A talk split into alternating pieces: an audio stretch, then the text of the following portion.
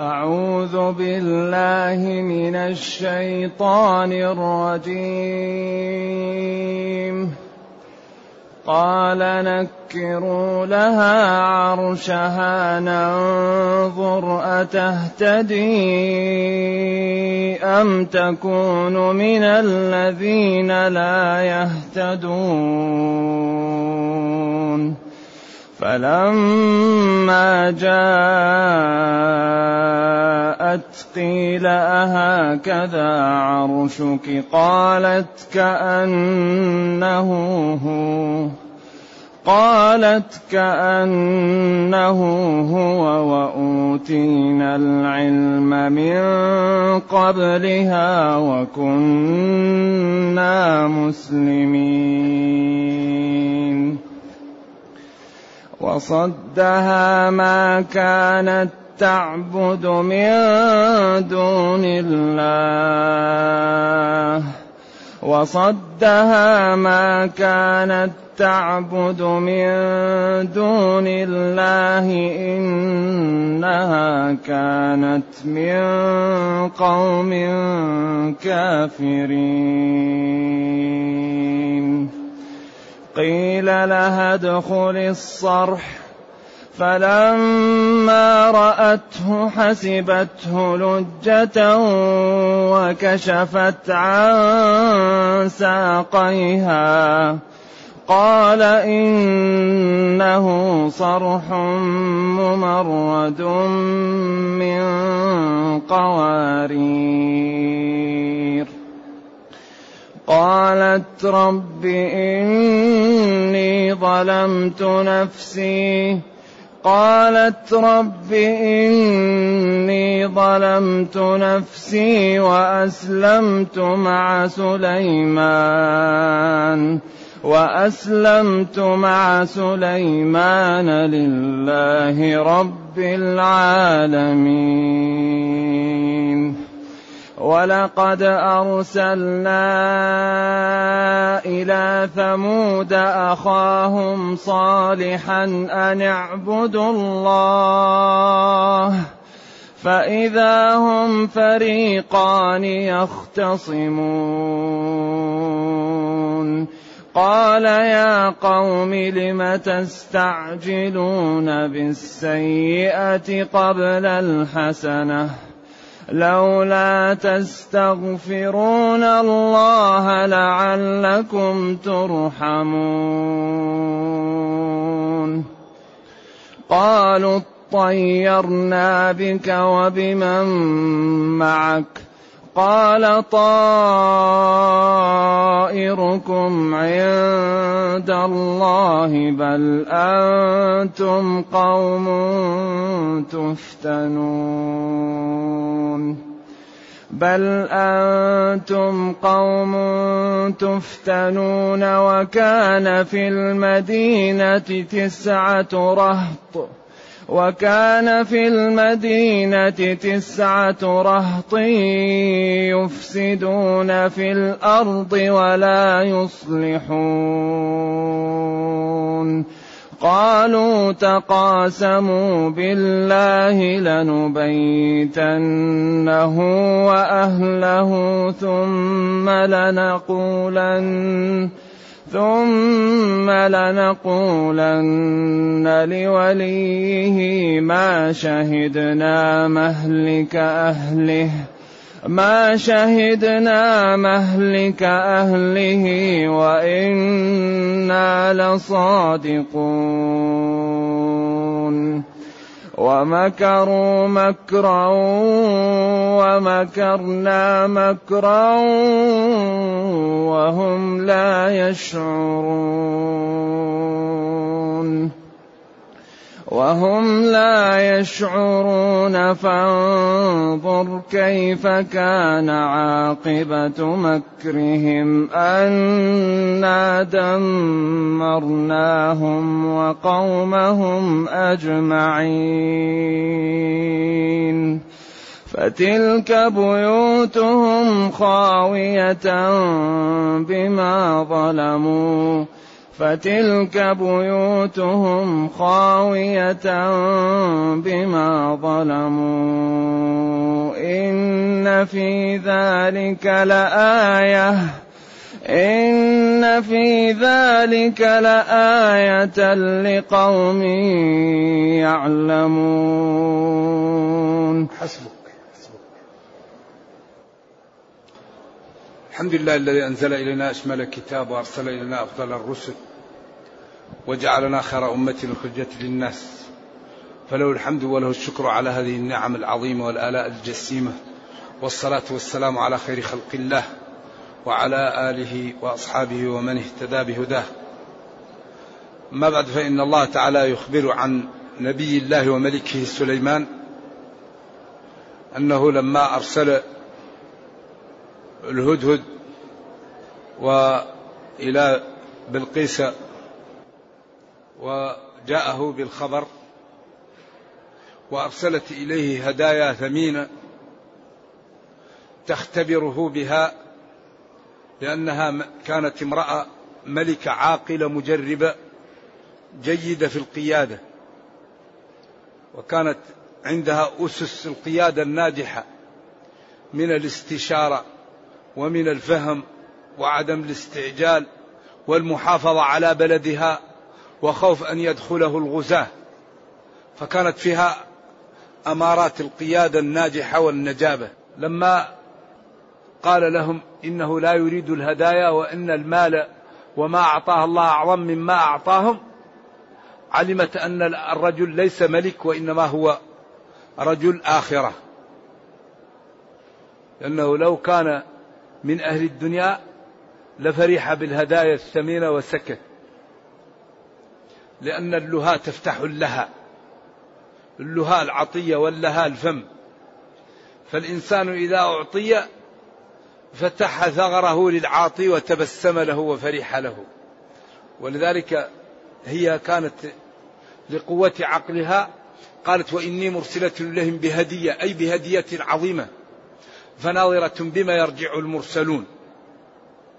فلما جاء سليمان يعني رسولها بما عنده من الهدايا؟ قال لهم ماذا؟ أتمدونني بمال فما آتاني الله خير مما آتاكم. أعطاني الله الملك وسخر لي الطير والجن وأعطاني ما لم يعطي أحدا من العالمين. ارجع إليهم. بل أنتم بهديتكم إيش تفرحون؟ أنتم الذين تفرحون بالهدايا وتحترمونها وترونها شيء. أما أنا لا أريد هذا. أرجع إليهم. فلنأتينهم بجنود لا قبل لهم بها. ولنخرجنهم منها أذلة وهم صاغرون. فهي هنا فهمت أن الرجل ليس رجل دنيا وإنما هو رجل دين. فالدين فوق الدنيا. فنادت جماعتها وفهمت أن هذا الكتاب اللي أعطي لها كتاب محترم. فعند ذلك هيأت نفسها لتذهب إليه. فقال نبي الله وملكه سليمان نكروا لها عرشها. يعني زيدوا فيه ونقصوا وغيروا من الفص ومن الأشياء الموجودة فيه. ننظر أتهتدي لعرشها وتفهم أم تكن من الذين لا يفهمون؟ لأن الجن عابوها. هذا في الإسرائيليات أن الجن قالوا له إنها في عقلها شيء وإن رجليها كرجل الحمار وإن ساقيها مشوهة. فيقال إنه خاف أن يتزوجها وأمها يقال إنها كانت من الجن. وهذا أمر لا أعرفه يثبت إنما هي إسرائيليات. والله قال لم يطمثن إنس قبلهم ولا جان.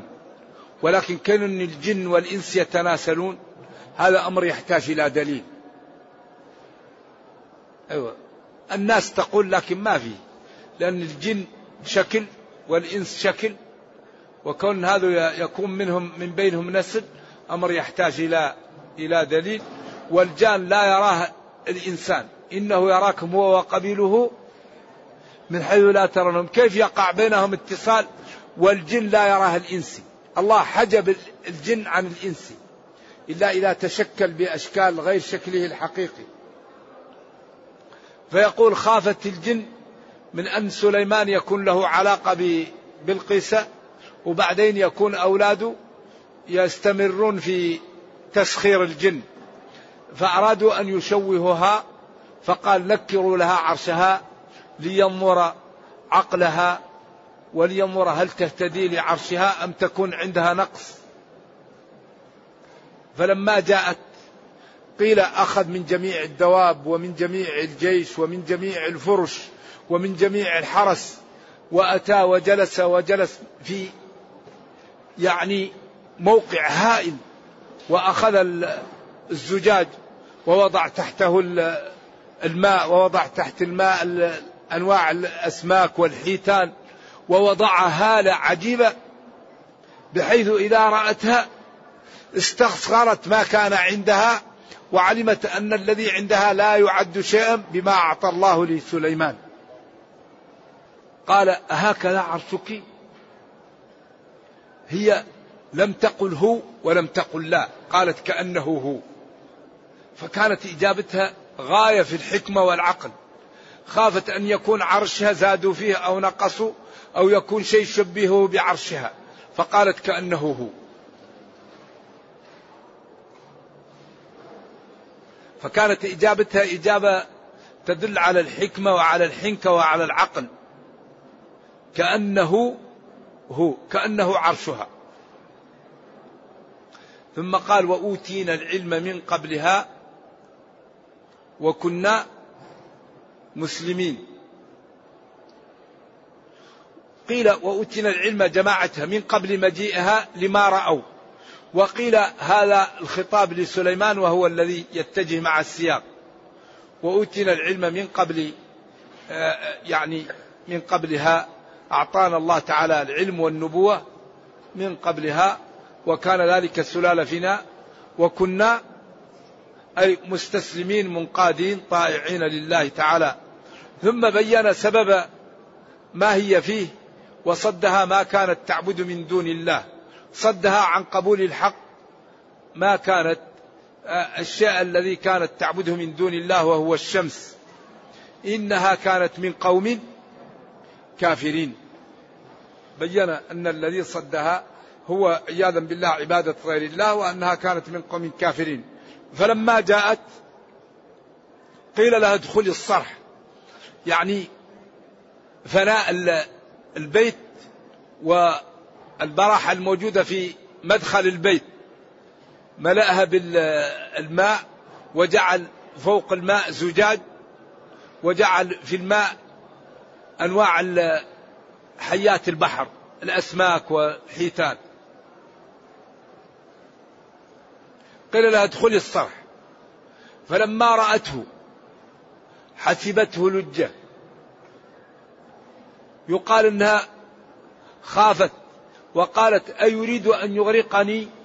لو قتلني أهون علي من أن يغرقني بهذا الماء. بعدين كشفت عن ساقيها. فرأى أن رجليها لا بأس بها وأن ساقيها يعني من أجمل شيء فغض بصره عنها وقال إنه صرح ممرد من قوارير.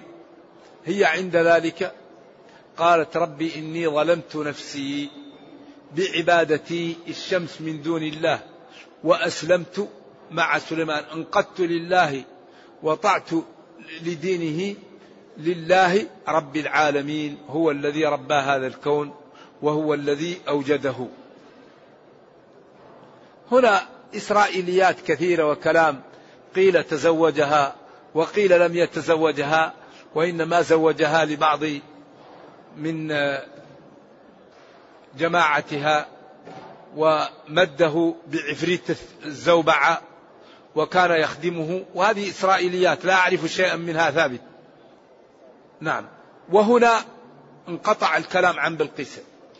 بعد أن جاءت وكشفت عن ساقيها وقيل كانوا فيهم الشعر وبحث عن من يزيل هذا الشعر فاخترعت له الشياطين النورة وكان هذا أول من عمل النورة وهذا أيضا في الإسرائيليات لا أعرف ثابت. لا أعرفه ثابتا وإنما هو إسرائيليات. وانقطع الكلام عن بلقيس هنا. تزوجها ما تزوجها هذا لم يذكره إيش؟ الوحي. ثم قال ولقد أرسلنا إلى ثمود أخاهم صالحا. هنا انتهت قصة سليمان. مع بلقيس وآمنت وكانت امرأة جيدة في الإدارة. أول شيء الاستشارة. قالت افتوني في أمري ما كنت قاطعة أمرا حتى تشهدون. ثاني شيء خوفها على بلدها وخطورة أن يغزى البلد لأنه إذا فتح بلد وجاءه الغزاة خربوا بلده. إن الملوك إذا دخلوا قرية عنوة أفسدوها. وجعلوا أعزة أهلها أذلة. ربها صدقها فيما قالت قال وكذلك يفعلون. ثم تفاديها لإتيان سليمان لبلدها ومداراتها له بإرسال المال. وإني مرسلة إليهم بهدية. هذه الأمور منابع للإدارة الرشيدة.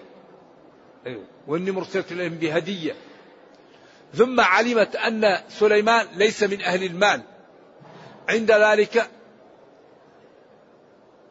علمت أنها لا قبل لها به لأن هذا الكلام كلام من عنده القوة وأنه لا يريد المال. فلما رأت ما عنده آمنت ودخلت في دينه فسلم أهلها وسلمت من الكفر وأنجت أهلها وأخذت بالأسباب فالله تعالى نجاها بهذا. نعم. ثم يقول ولقد أرسلنا إلى ثمود أخاهم صالحا. ثم عاد القصة والقصة مكررة في الشعراء وفي الأعراف وفي طه. والله لقد أرسلنا إلى ثمود أخاهم صالح. وهو الآن معروف المحل بديار ثمود في العلا. وقلنا لهم أن اعبدوا الله. فإذا هم فريقان. فريق آمن بصالح وفريق كفر بصالح وهم يختصمون. فقال لهم صالح والصالحون معه يا قوم لم تستعجلون بالسيئة قبل الحسنة؟ لم تطلبون الهلاك؟ والله أتاكم ببرهان وأدلة على صدق نبيه وأعطاكم حجة واضحة. وآتينا ثمود الناقة مبصرة مبصرة. آية واضحة يبصرونها. فما لكم وما والهلاك. لم تستعجلون وتطلبون الهلاك وأنتم عندكم طريق لو سلكتموها لنجيتم من الضلال ومن الهلاك ومن الكفر. لم تستعجلون بالسيئة قبل الحسنة. لو لا تستغفرون الله. هل لا تستغفرون الله وتتوبون إليه وتتبعون صالحا لعلكم بذلك ترحمون وتنجو من الهلك ومن العذاب. قالوا اطيرنا بك وبمن معك. تشاءمنا بك يا صالح وبمن آمن بك. قال طائركم عند الله. حظكم وما كتب لكم ليس عندي وإنما هو عند الله. كل إنسان يعني حظ ومكتوب له عند الله. ما ليس عندي. وكل إنسان ألزمناه طائره في عنقه. كل واحد المكتوب له يعمله والله هو اللي يعمل أنا ليس لي في ذلك دخل. بل أنتم قوم تفتنون تختبرون وتبتلون ولكنكم لا تنجحون في ذلك الاختبار والابتلاء عياذا بالله. بل أنتم قوم تفتنون تختبرون وترسبون في الاختبار. وكان في المدينة تسعة رهط يفسدون في الأرض ولا يصلحون. في هذه المدينة تسعة من أولاد الأغنياء وقفوا في وجه صالح. وقيل هؤلاء هم الذين قتلوا أبناءهم. لما قال لهم صالح إن هذه الناقة يولد الليلة رجل يقتل الناقة.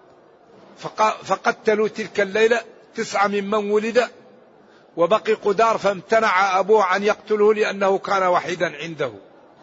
فحنق أهل أولئك الأولاد على صالح وأرادوا قتله والوقوف في وجهه. فأصبحوا هؤلاء الرهط من أشد أعداء صالح. وهذا أيضا إسرائيليات. قالوا تقاسموا بالله. لنبيتنه وأهله ثم لنقولن لوليه ما شهدنا مهلك أهلي وإنا لصادقون. مهلك أهلي ومهلك أهله. نعم.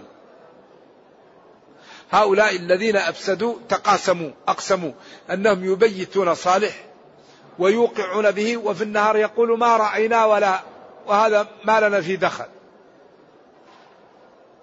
ومكروا مكرا وبيتوا ذلك ومكرنا مكرا وبيت الله ما أراد. فانظر كيف كان عاقبة مكرهم. أيوة ومكرنا مكرا وهم لا يشعرون بمكر الله فيهم حيث يعني أخذهم أخذ عزيز مقتدر ولم يمكنهم مما أرادوا بصالح. فانظر كيف كان عاقبة مكرهم. يعني نهايته ونتائجه أنا دمرناهم. بأنا دمرناهم وقومهم أجمعين. أهلكناهم وقومهم جميعا. فتلك بيوتهم خاوية بسبب ظلمهم بما ظلموا. إن في ذلك الذي قصصناه عليكم وبيناه لكم لدلة واضحة لقوم يستعملون عقولهم ويعلمون حيث يعلمون صدق الرسل وأن من كذبهم عاقبته إلى الهلاك وإلى الدمار. وأن هذه أدلة واضحة لا لبس فيها على صدق النبي صلى الله عليه وسلم لأنه لا يقرأ ولا يكتب. وجاء بتفاصيل هذه القصص التي وحدثت قبل مبعثه بآلاف السنين. فلو لم يكن رسولا من عند الله من أين له أن يعرف تفاصيل هذه القصص وهذه الأمور؟ ولذلك قال جل وعلا وما كنت تتلو من قبله من كتاب ولا تخطه بيمينك إذا لارتاب المبطلون. وقال تلك من أنباء الغيب نوحيها إليك. ما كنت تعلمها أنت ولا قومك من قبل هذا. وقال وما كنت لديهم إذ يلقون أقلامهم أيهم يكفل مريم وما كنت لديهم إذ يختصمون. فهذه أدلة ساطعة على صدق النبي صلى الله عليه وسلم وأنه مرسل من عند الله فبادروا بالإيمان به. قبل أن تحل بكم العقوبة فتندمون حيث لا حين لا ينفع الندم. نعم انتهى. وأنجينا الذين آمنوا وكانوا يتقون. أنجينا لوطا والذين آمنوا معه وكانوا وأنجينا صالحا أنجينا الذين آمنوا صالحا والذين آمنوا معه وكانوا يتقون الله تعالى فلا يقعون في المعاصي ولا في الكفر. ولذلك من يتقي ربه لا بد أن ينصره الله. ومن يتقي الله يجعل له مخرجا. إن تتقوا الله يجعل لكم فرقانا. واتقون يا أولي الألباب لعلكم تفلحون. وحقيقة التقى أن لا ترى حيث نهيت ولا تتخلف حيث أمرت. فالتقى صفة تكون في القلب يمتنع صاحبها من فعل الحرام وتلزم صاحبها أن يفعل الواجب.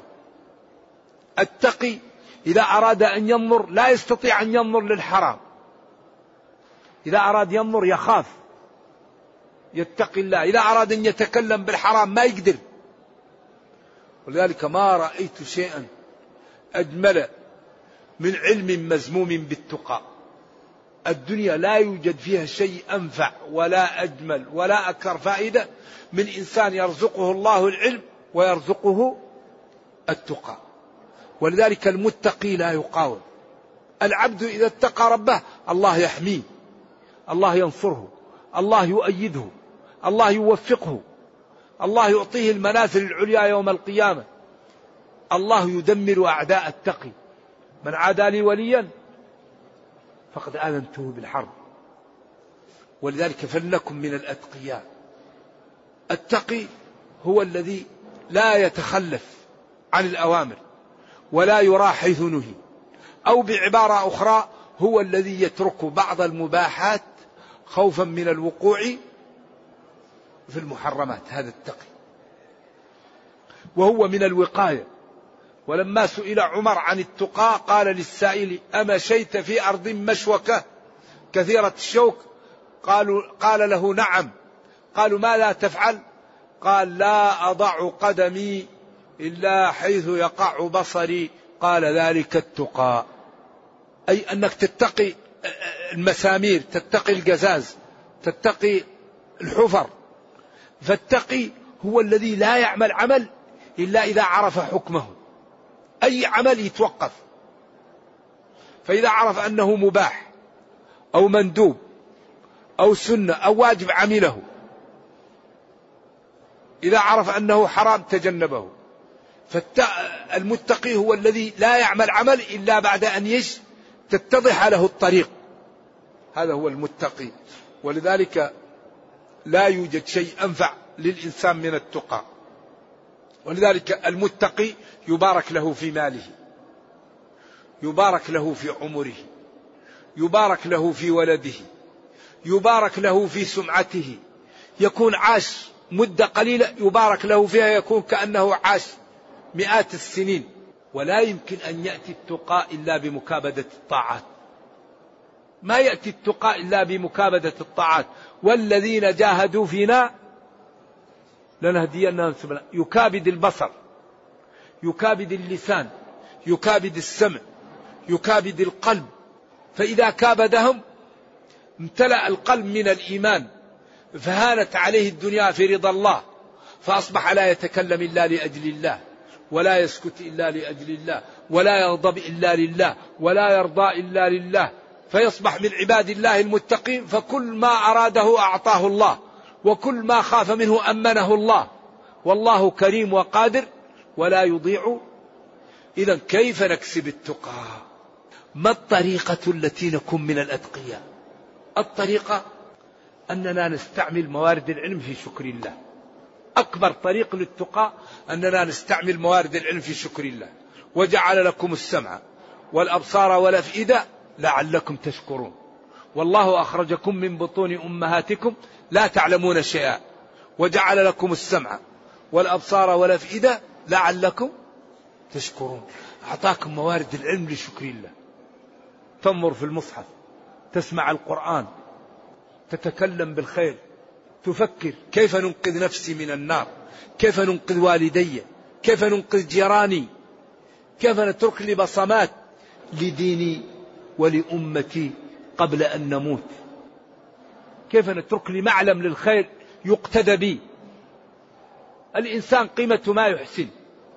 إذا ينبغي لكل واحد منا أن يعمل مع نفسه برنامج ليكون من لنكن من الأتقياء.